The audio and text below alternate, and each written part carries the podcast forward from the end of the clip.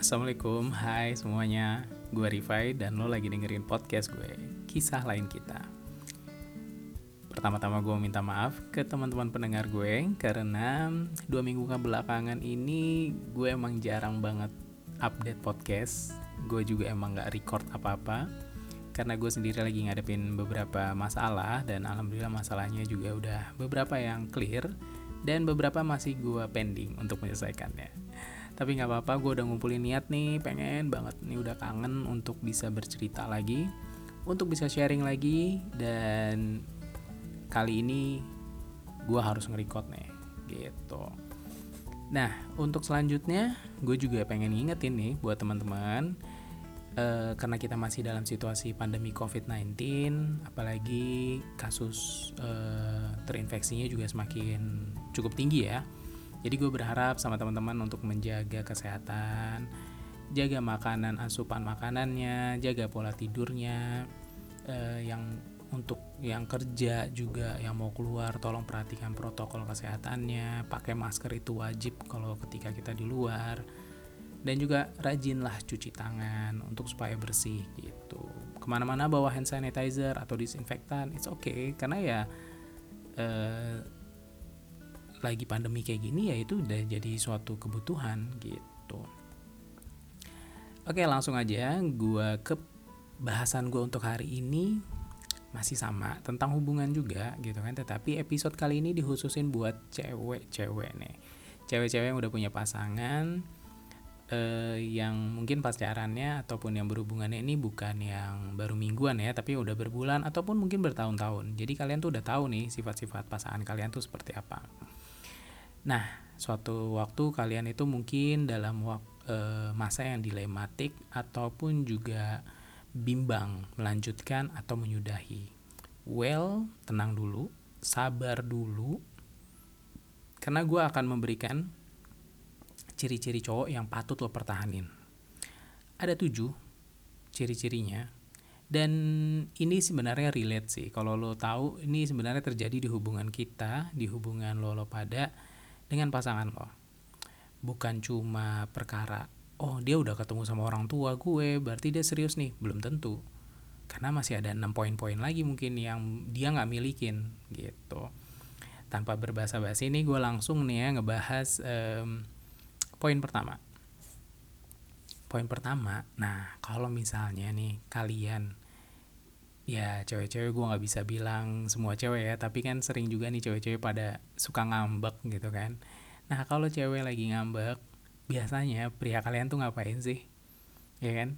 Ngediemin juga atau dia mulai berusaha jadi ngebiarin kamu dulu tapi nanti dia berusaha untuk ngajak bicara.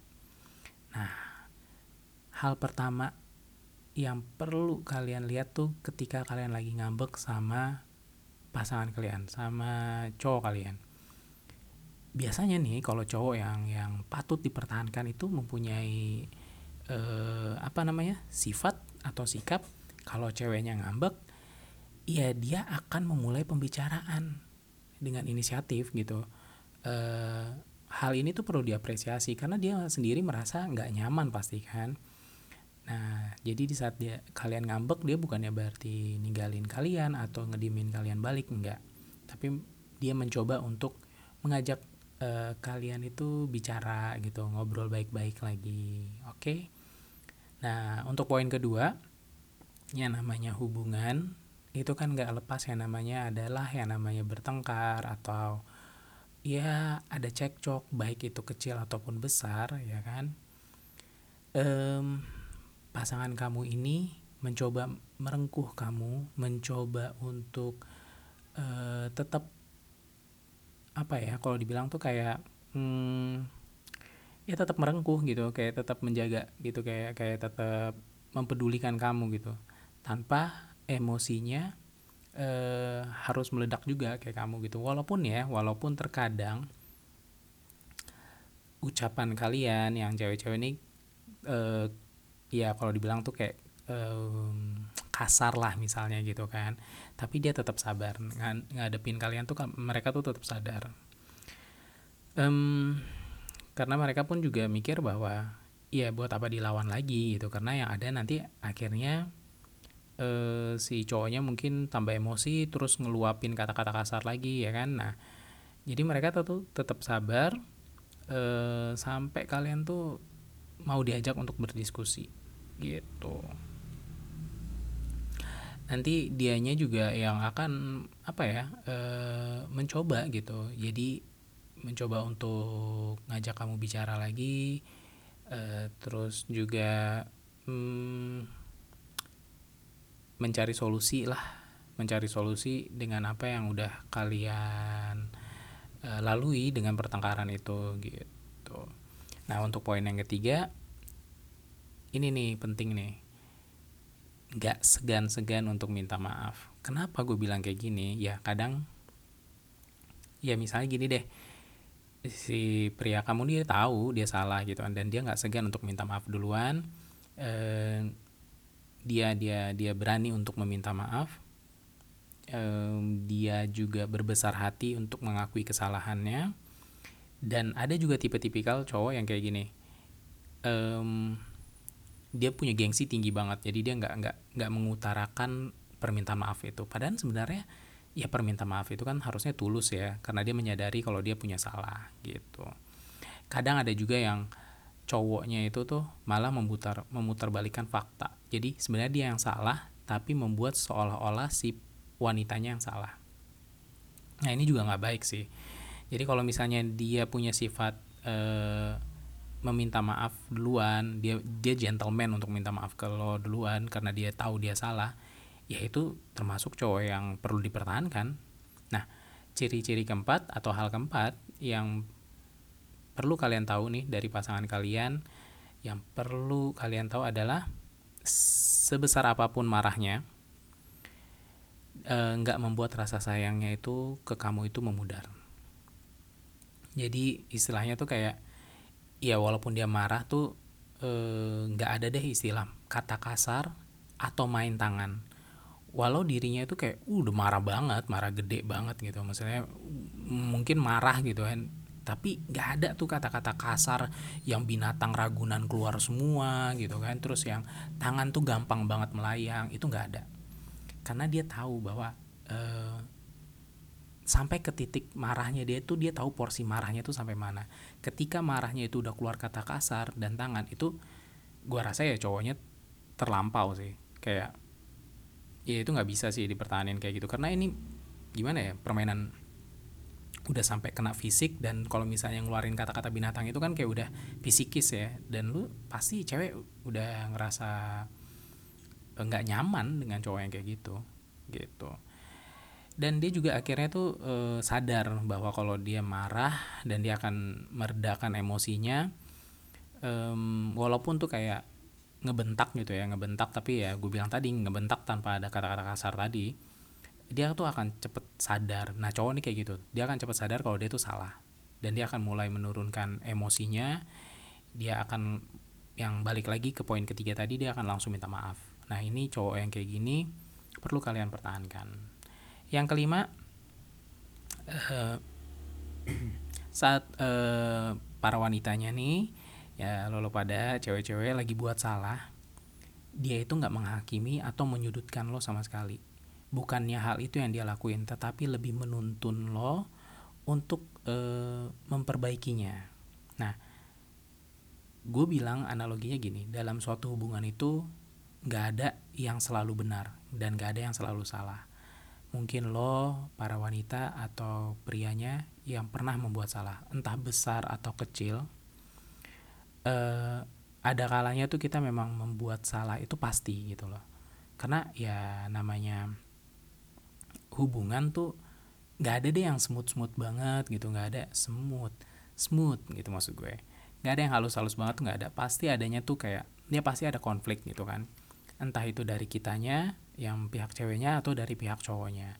Nah um, ketika lo lagi buat salah balik lagi ke poin yang gue uh, yang lo buat salah tadi dia itu nggak balik marahin lo atau dia akan tetap dengar lo uh, saat lo buat salah tuh dia dia nggak menghardik gitu. Dia malah menasehati baik-baik gitu kan eh, apa kesalahannya gitu kan apa kesalahan yang lo udah buat. Nah itu dia dia dia cerna dengan baik terus dia sampaikan dengan baik diarahkan dengan baik. Dia tuntun lo untuk lebih baik gitu. Bukan berarti menghakimi atau bahkan e, menyudutkan lo. Karena ya ya nggak fair menurut gue ketika lo buat salah tapi lo malah dihakimin. Nggak nggak harusnya kayak gitu dong ya kan? Seharusnya ketika kita buat salah mau pihak cowok mau pihak cewek itu tuh di diberitahu atau dikasih saran itu dengan cara yang lebih baik. Dan itu gue rasa akan lebih ngena gitu. Dan um, apa ya ada lagi nih yang gue gua lihat um, kalau misalnya si ceweknya lagi buat salah tahu nih kan cewek kan kadang-kadang kalau buat salah tuh ya sama sih cowok juga gitu. Ge apa ya namanya bukan gengsi sih. Gue bilang tuh kayak iya dia nggak merasa dirinya salah dan dia mencoba mencari pembenaran pembelaan. Nah baiknya nih kalau misalnya kayak gini ya lo terima dulu ya mungkin perlu waktu ya untuk lo cerna apa ucap uh, kenapa dia bisa salah kenapa apa yang dia lakukan itu apa benar-benar salah. Kalau emang benar-benar salah ya lo sampaikan. Uh, si cowoknya ini akan menyampaikan dengan cara yang baik. Nggak ada deh istilah yang tadi menghardik menyudutkan. Karena yang kayak gitu ya cuma ada membuat emosi si ceweknya lagi gitu sih. Terus uh, poin berikutnya poin keenam. Meski sulit uh, apa ya dia tetap berusaha gitu menjaga diri lo. Dan hubungan hubungan yang udah udah lo bina sampai ke masa depan. Maksudnya tuh cowok itu kan uh, atau enggak hubungan ini kan dimulai dengan suatu kesepakatan atau suatu komitmen ya.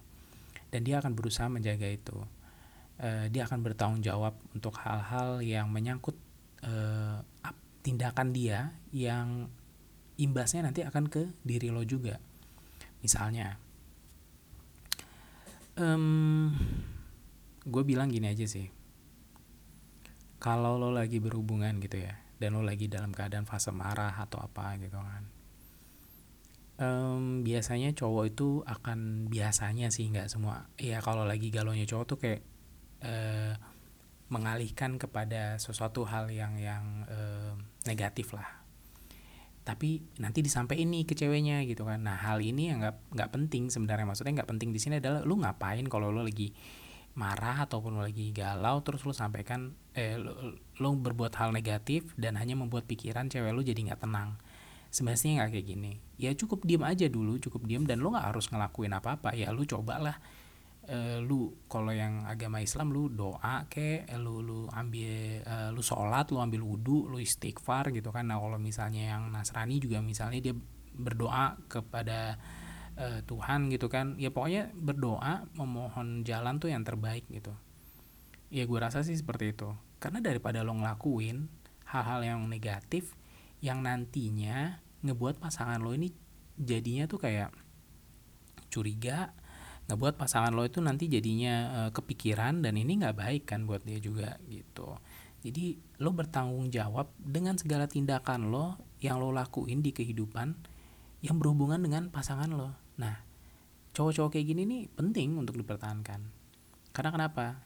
Dia bukan hanya menjalankan apa yang dia inginkan bukan hanya memuaskan e, perasaannya aja tetapi dia juga memikirkan lo sebagai pendampingnya.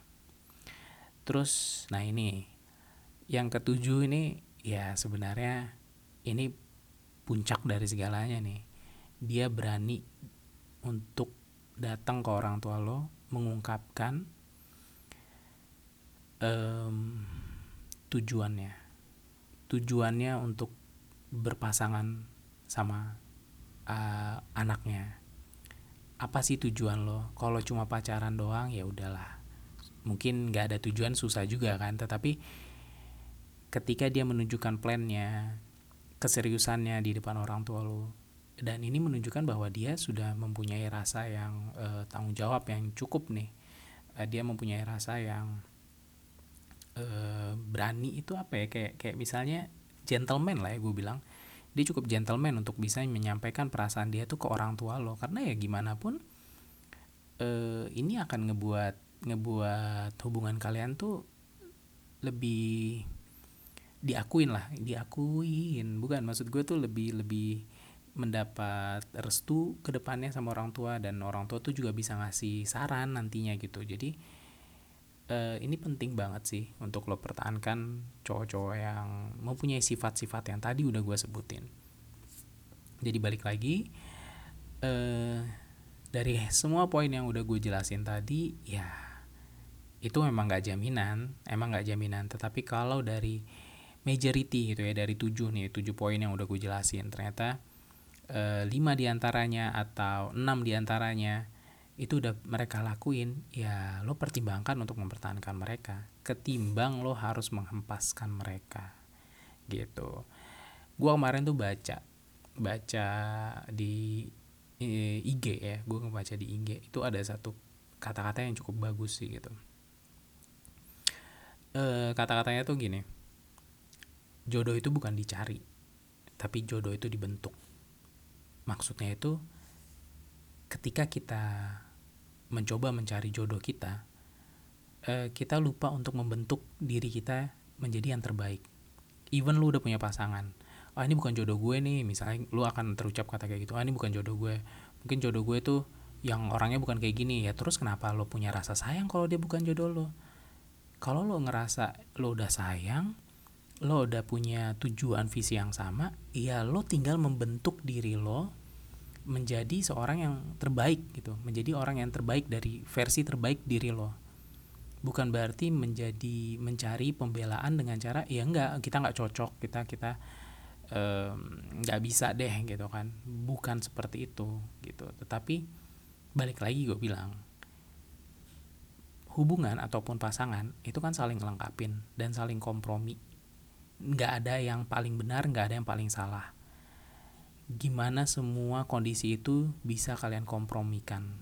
Itu sih yang menurut gue terpenting. Oke itu aja mungkin yang bisa gue share untuk hari ini. Um, gue gue juga masih nunggu ini uh, untuk teman-teman pendengar gue yang mau bercerita ataupun yang mau uh, memberikan saran tema apa yang bakal gue angkat ke depannya lo bisa follow Instagram gue dan DM gue langsung di @alirifai31 pakai Victor ya. Ali Rifai 31. Uh, gue akan senang banget bisa berbagi sama teman-teman semua. Dan bagi teman-teman pendengar yang merasa podcast ini berguna ataupun podcast ini memberikan sesuatu yang positif ya bisa lo follow uh, Spotify podcast gue eh, lo bisa share juga bantu share ke teman-teman lo untuk ngedengerin podcast gue. Kalau emang pod kalau emang podcast gue ini eh, memberikan impact yang positif. Mungkin itu aja yang bisa gue berbagi yang bisa gue bagi untuk malam hari ini. Ini karena gue take record malam ya pokoknya. Kapan lo dengar uh, podcast gue ini ya gue berharap gue tetap bisa berbagi terus sama teman-teman semua. Karena bagi gue nih berbagi di sini tuh kayak soul, ada nyawa di sini. Ketika kita masih bisa berbagi hal yang positif, kenapa nggak kita terusin? Kenapa nggak terus kita lakuin? Semoga hal positif yang kita berikan, feedback ke kitanya juga menjadi positif. Asik banget ya. Mungkin itu aja yang pengen gue sampein. Kalau ada salah, gue mohon maaf. Dan tetap dengerin podcast podcast gue follow gue di Spotify juga. Terima kasih banget buat teman-teman pendengar gue. See you.